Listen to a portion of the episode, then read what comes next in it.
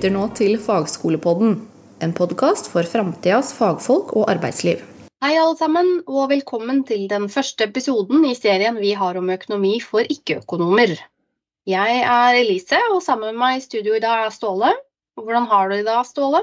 Jeg har det veldig bra i dag, jeg, Elise. Takk skal du ha. Og jeg gleder meg til dagens episode. Du vet, økonomi er jo et veldig spennende emne som har røtter helt tilbake til antikken. Ja, fortell mer. Ja, Hvis vi ser tilbake i historien, så har jo økonomi alltid handla om hvordan vi forvalter ressursene våre for å nå mål. Du kan tenke på de gamle sivilisasjonene hvor de bytta varer, eller forvalta landbruksressursene for å sikre at samfunnet utvikla seg sånn som de håpa på.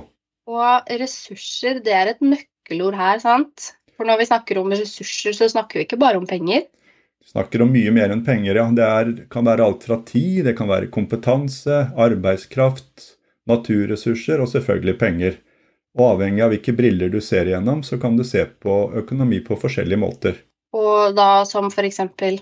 Ja, Vi kan ta utgangspunkt i enkeltpersoner. Da blir det personlig økonomi. Eh, hvordan er det de forvalter sine ressurser? Så kan vi sette passerspissen i bedriften. Får vi bedriftsøkonomi, som fokuserer på hvordan bedriften optimaliserer ressursbruken for å nå måla sine. Og så kan vi sette passerspissen i samfunnet, og får vi samfunnsøkonomi.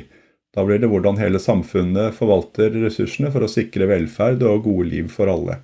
Ja, det setter ting i perspektiv. Og det bringer oss også til dagens hovedtema, som er det økonomiske kretsløpet. Og hvordan vil du forklare det? Ja, Det er i bunn og grunn en modell som viser hvordan penger og varer eller tjenester beveger seg mellom husholdningene, bedriftene og staten i en økonomi. Eh, den er viktig fordi den hjelper oss å forstå hvordan økonomien fungerer som et helhetlig system, og hvordan de ulike delene av økonomien påvirker hverandre. Og for å hjelpe oss med å forstå det her enda bedre, så har vi en spesiell gjest eh, med oss i dag. Vil du kanskje introdusere han? Det kan jeg gjøre, Lise. Vi har med oss en som jobber med en løsning som mange av lytterne våre bruker i hverdagen. Det er Handyman. Og den er jo en integrert del av veldig mange fagfolks daglige liv. Og Årsaken til at vi har med Handyman, det er at den gir en praktisk tilnærming til noe av de mest grunnleggende elementene i det økonomiske kretsløpet. Og de som bruker Handyman, har automatisk da en veldig god innsikt om, om det allerede. Det er helt riktig. Og derfor så er vi veldig begeistra for at vi har med oss en representant fra Handyman-teamet i dag. Og han vil gi oss innsikt i hvordan Handyman fungerer, og hvordan det kan hjelpe oss med å forstå det økonomiske kretsløpet bedre. Eh, velkommen til Fagskolepodden, Harald. Takk for det. Handyman har jo blitt et eh, viktig verktøy for den moderne håndverker. Kan du fortelle oss mer om hvordan Handyman hjelper håndverkere med å ha en mer effektiv og lønnsom arbeidshverdag? Absolutt. Jeg kan si at vi, eh, det vi jo gjør, er jo at vi flytter det som før var en arbeidsflyt med bruk av papirer, og dokumentere gjennom papirer, er jo gjort elektronisk. Så det er mange av de manuelle stegene man hadde før, som da gjøres nå elektronisk. Det blir litt som sammenlignet at du kjører med hest og kjerre eller med en bil, for, for, å si det sånn. Med andre ord, det er så mye du må passe på hvis du skal ha med en hest, at den har mat og, og du må stoppe underveis og litt forskjellig. Alt dette her behøver ikke vi å tenke på når vi kjører bil. Og Det er litt derfor vi også havner der vi er i dag, med at vi har effektive løsninger og at det hele tiden utvikler seg videre. Du kan si eh, Handyman effektiviserer jo alt fra du mottar en bestilling, og hvordan du registrerer den en gang, at dataene etterpå blir tilgjengelig for det saksbehandler, som igjen kan planlegge hvem som skal gjøre jobben. Han gjør også bare ting én gang. Og umiddelbart etterpå vil den som skal gjøre jobben, kunne starte på jobben uten at han har vært innom kontoret eller gjort andre ting. Så det går jo på effektivitet, altså det at du kan gjøre ting der du er, når du er der. Istedenfor at du må dra tilbake til kontoret for å gjøre ting. da. Eller for å registrere deg ferdig. Så det gjør jo at effektiviteten på en vanlig bruker blir jo mye mye høyere enn om du skulle gå rundt med papir og blyant. Så jeg regner med at du er handyman på fritida sånn, og maler vegger og alt sånt? da? Jeg har alltid vært en handyman, vet du. Ja. For å si det litt enkelt, jeg kjøpte meg første bruktbil eller bil da jeg var 18 år. Og Det var en gammel Fiat. og Da har du to valg. Enten så lærer du deg å skru, om andre å bli en handyman, eller så får du ikke brukt den bilen. Hvilke spesifikke deler av det økonomiske kretsløpet da er det som handyman håndterer? Det er egentlig fra A til Å. Det betyr fra du bestiller en vare til du gjør varemottaket, eller du kan gjøre varemottaket i Handyman. Du kan, og da har du jo da har du også kontroll på hva skal, en, hva skal dette koste ut. Du kan si at Vi kan faktisk da følge varen hele veien i Handyman fra du gjør varemottak til, eller bestiller en vare, til den er fakturert. Vi har faktisk en fakturamodul i Handyman, selv om vi, som, som, uh, som, gjør at du kan bruke Handyman helt uten andre systemer. Men vi, vi, snakker jo veldig godt sammen og samarbeider godt også med andre systemer, så, så de fleste er nok vant til å bruke Handyman sammen med et annet system. Da, og da vil jo vår del av jobben være at du sånn sett gjennomfører oppdraget og eh, legger til timer og materiell, og at dette sendes tilbake til fakturasystemet om du vil. Mm. Og så tilbyr dere jo en rekke tilleggsmoduler. Tilbudsmodul, timegodkjenning, lager, bestilling. Så mm. hvordan bidrar eh, de modulene til å gi bedrifter en bedre oversikt da, over økonomien? Jo, ehm, vi har faktisk som en del av standard i Handyman. altså Handyman utvikler seg jo stadig vekk. Og En av de funksjonene som er kommet til de siste årene, har jo faktisk vært at du kan lage et lite budsjett, eller lage et budsjett på en ordre.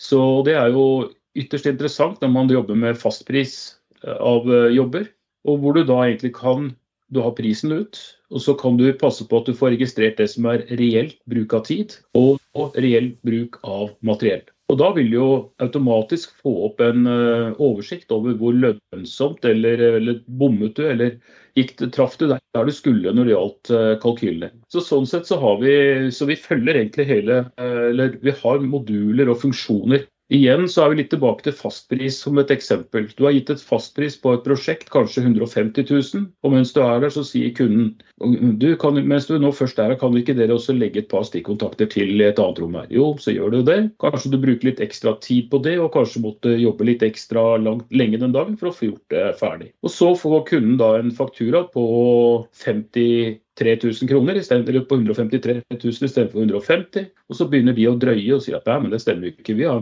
fastpris. Og Så ender det opp på at du kanskje må trade på de siste 3000 som egentlig alle er enige om at burde vært betalt for. Og Det kan vi unngå da med tilbudsmodulen, hvor du faktisk står ute og så sier de Istedenfor å si at ja, men da kan jeg gjøre det, det er greit, vi fikser det, så kan du si at ja, men du skal få et tilbud på det med en gang. Sier et tilbud, kunden signerer, og det konverteres til en tilleggsordre. Så det er også en måte å gjøre det på som jo igjen gjør at du får en veldig oversikt når du spesifiserer dette var med, dette var ikke med, dette er tillegg. Mm. Så det er jo en del kynisme der ute også som du kan luke bort da med å bruke denne tilbudsmodulen. Så gir det deg også en liten sånn mini-CRM-variant, for det kan jo være at du gir mange tilbud også ute, men at kunden må tenke litt på det, har ikke fått, får ikke bestemt seg helt. Og Da vil du ha en oversikt ute på mobilen din på hvilke tilbud du har gitt. Og Du kan også se også når de forfaller, forfallsdato på et tilbud. Da, for å si sånn. Det kan du også sette, eller ligger også inne. da. Så da har du en uh, grei oversikt. Og på listenivå kan du se at nå har jeg ti, eller fem tilbud ute. Ett av de forfaller om to dager. Da kan du jo ta kontakt med kunden og si at hei, tilbudet er jo kanskje det er to dager nå, så, så må vi eventuelt gi deg et nytt tilbud. Eller da, da, gjelder ikke dette tilbudet lenger. Så har du alltid en grunn til å ringe og til å få en avklaring. Det kan jo bli ja, og det kan bli nei. Og en fin funksjon, da. Absolutt. Nå har du jo snakka fint om egentlig marked og ja, inntektssida. Mm. Hvis du ser på den andre sida med kostnader. Hvilke kostnader ja. er det Handyman holder oversikt over? Da tenker jeg på sånn som timeføring til prosjekt, ordre, uttak av varer, ja. Lager, ordre, prosjektregnskap. Hvis du forteller litt om det? Du kan si Handyman så kan vi jo som sagt sette opp eh, et, budsjett, sette opp et budsjett rett og slett, i Handyman. Og det, så du kan til nær sagt når som helst da gå inn og ta ut en rapport på hvordan ligger vi an. Og da, være, da har du jo lagt inn en eh, kostpris på, på lønnsarten din også. Slik at når du har ført ti timer av normal arbeidstid, så vet du hvor mye det utgjør i kostnad. Og så fort da de eh, som gjør jobben, har registrert tiden inn, altså registrert og sendt det inn, så synes jo dette i dette budsjettregnskapet. Så der vil du hele veien kunne se her var kalkylen min, her er forbruket nå, Sånn ligger vi an eh, i forhold til kalkylen.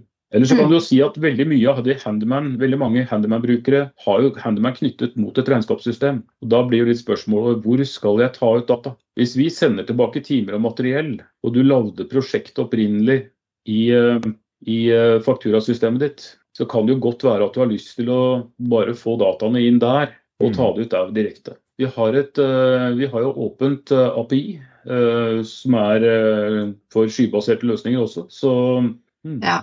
Det er viktig med gode tilpasninger. absolutt. Absolutt. Absolutt. Men hvis det er sånn at jeg velger å ha, bare bruke Handyman, da, Mm. eh, og så eh, kan jo jeg da dokumentere oppdatere pågående og avslutte oppgaver, og så vise ja. rapporter. Eh, og hvordan kan det her bidra til en bedre forståelse av dette med indirekte og direkte kostnader? Litt tilbake til det med fastpris. Hvis du har gitt en fastpris på et oppdrag, så har du en del direkte kostnader som jo er, eh, er eh, kan du si, materielle som brukes, og som du har planlagt å bruke, og som faktisk blir brukt. Så har du jo de antall timer, altså en, alle timer har jo en kostnad. Og den vil jo også komme inn. Men i tillegg så har du kanskje reisetid, du har kanskje bruk av bil. Du kan jo også legge inn det som eh, kostnadselementer her, og forbruk, så at du får også med en kostnad på den delen. Kan godt være at du har en fastpris på La oss si at du i lokalområdet da, så har det skjedd en oppmøte med servicebil. Det har en fastpris, la oss si 350 kroner. Men det er det kunden skal betale. Hva koster det egentlig at du møter opp med den bilen? Og Det kan du også legge inn som en kostnad på den lønnsarten, slik at du igjen får enda mer korrekte tall. Så vi er nok ikke mer direkte eller indirekte enn det, da, hvis du skjønner jeg mener. Vi er jo ikke helt sånn at vi tar, tenker på husleie, strømkostnader og splitter ned og tar deler av det inn i regnestykket vårt. Det gjør vi ikke. Tenker du eh, bidragskalkyle, da, så har du direkte lønn, direkte materialer. Eh, Det håndterer dere på en glimrende måte. Sånn helt til slutt, da. eh, Dette her å se Mm. kommunikasjon mellom handyman, og hvordan den er med å sikre en god kommunikasjon mellom de som er på Mm. kontoret og de som jobber ute i felt. Ja. Det vi har gjort i Handyman, er at vi har utviklet en ressursplanlegger. og Det betyr at det er en grafisk måte å vise ressurser, altså medarbeidere. Og så har vi, har vi oppgavene eh, bortover på en linje, så, sånn at vi kan hele tiden, som du ser i Outlook på en måte med kalenderen din der, at du kan se at nå eh, er han på det oppdraget, han er på det oppdraget. Så, og det vi har gjort i tillegg, er at vi også har en status der. altså Det er der forskjellen, eller likhetene med Outlook stopper. Fordi det vi har gjort i tillegg, er at vi knytter jo alle oppgaver til en ordre. Så når jeg skal planlegge en jobb, og la oss si at vi trenger tre mann til å begynne med, og så trenger vi bare én til en sluttkontroll på slutten, eller siste dagen, så kan jeg legge inn oppgaver på samme ordre som er ulike på disse personene som da er med, og at én skal bare være med én dag, én skal være med første og siste dag. Så de kan få ulike oppgaver på samme ordre, så ordren er på mange måter bærer av informasjonen vår. da. Og Vi kan i tillegg også få en status, sånn at når du sitter inne som saksbehandler, så kan du se de skulle begynne på den jobben klokken syv i dag. Og hvis du ser at det fortsatt er urørt, da, så vet du at hm, dette ser jo ikke bra ut. Så Istedenfor at da kunden ringer klokken tolv og sier at hei, vi har jo rydda lokalet for dere skulle komme, hvor blir det av dere?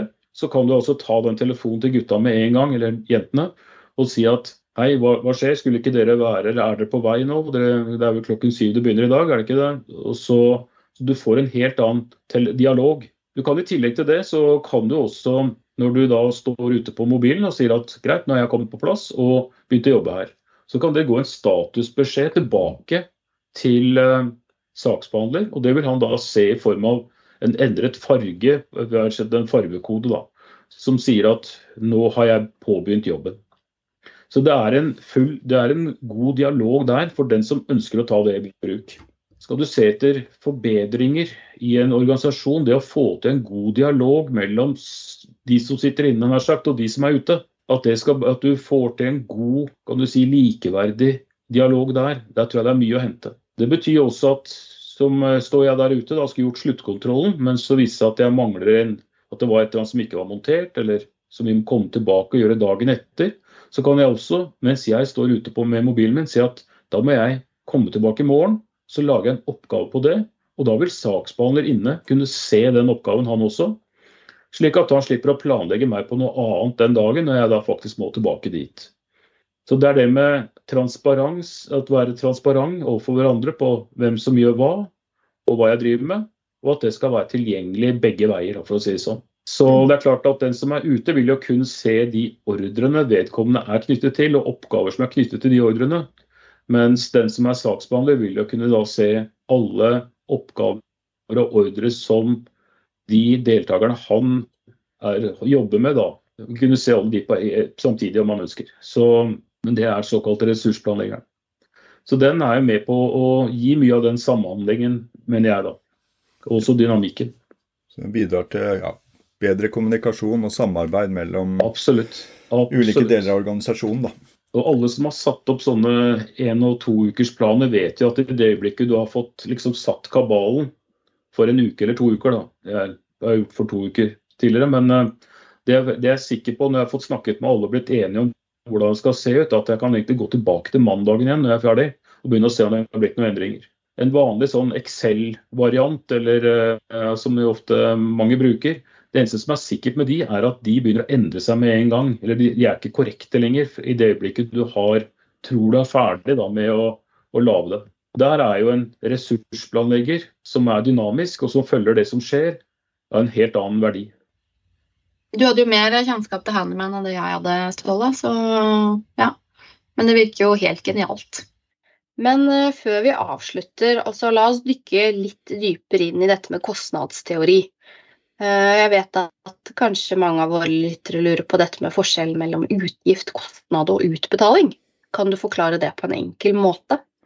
Det kan jeg prøve på, Elisa. Det I dagligtale så ser vi jo på de tre begrepene som noe likt, men hvis du tenker at du skal kjøpe en fancy kaffemaskin til kontoret, når du betaler for selve maskinen, da er det en utbetaling. Men en sånn maskin varer jo i mange år, så kostnaden den fordeles jo over hele levetida på maskinen. Så sjøl om du betalte for den i dag, vil kostnaden fordeles eh, over flere år. Og sjølve beløpet du betalte ved anskaffelsen, ja, det er utgiften. Ah, det gir mening. Så utbetaling, det er når pengene faktisk forlater kontoen, mens kostnad er verdien av det du bruker over tid, og utgiften, det er bare prisen du betalte. Er det riktig? Yes, det er helt riktig.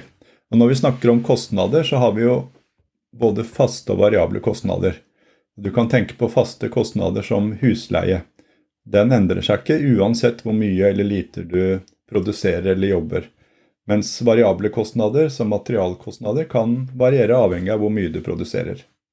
Og hva med dette med indirekte og direkte kostnader? Altså, jeg har jo hørt begrepene, men jeg blir alltid litt forvirra.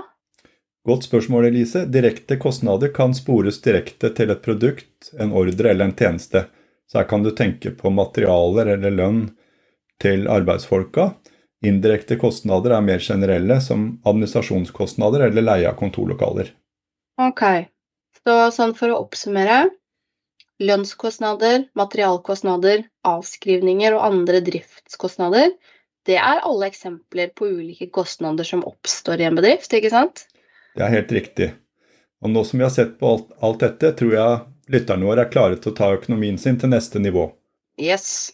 Takk for i dag, alle sammen, og vi høres igjen i neste episode i serien om Superenkelt om økonomi.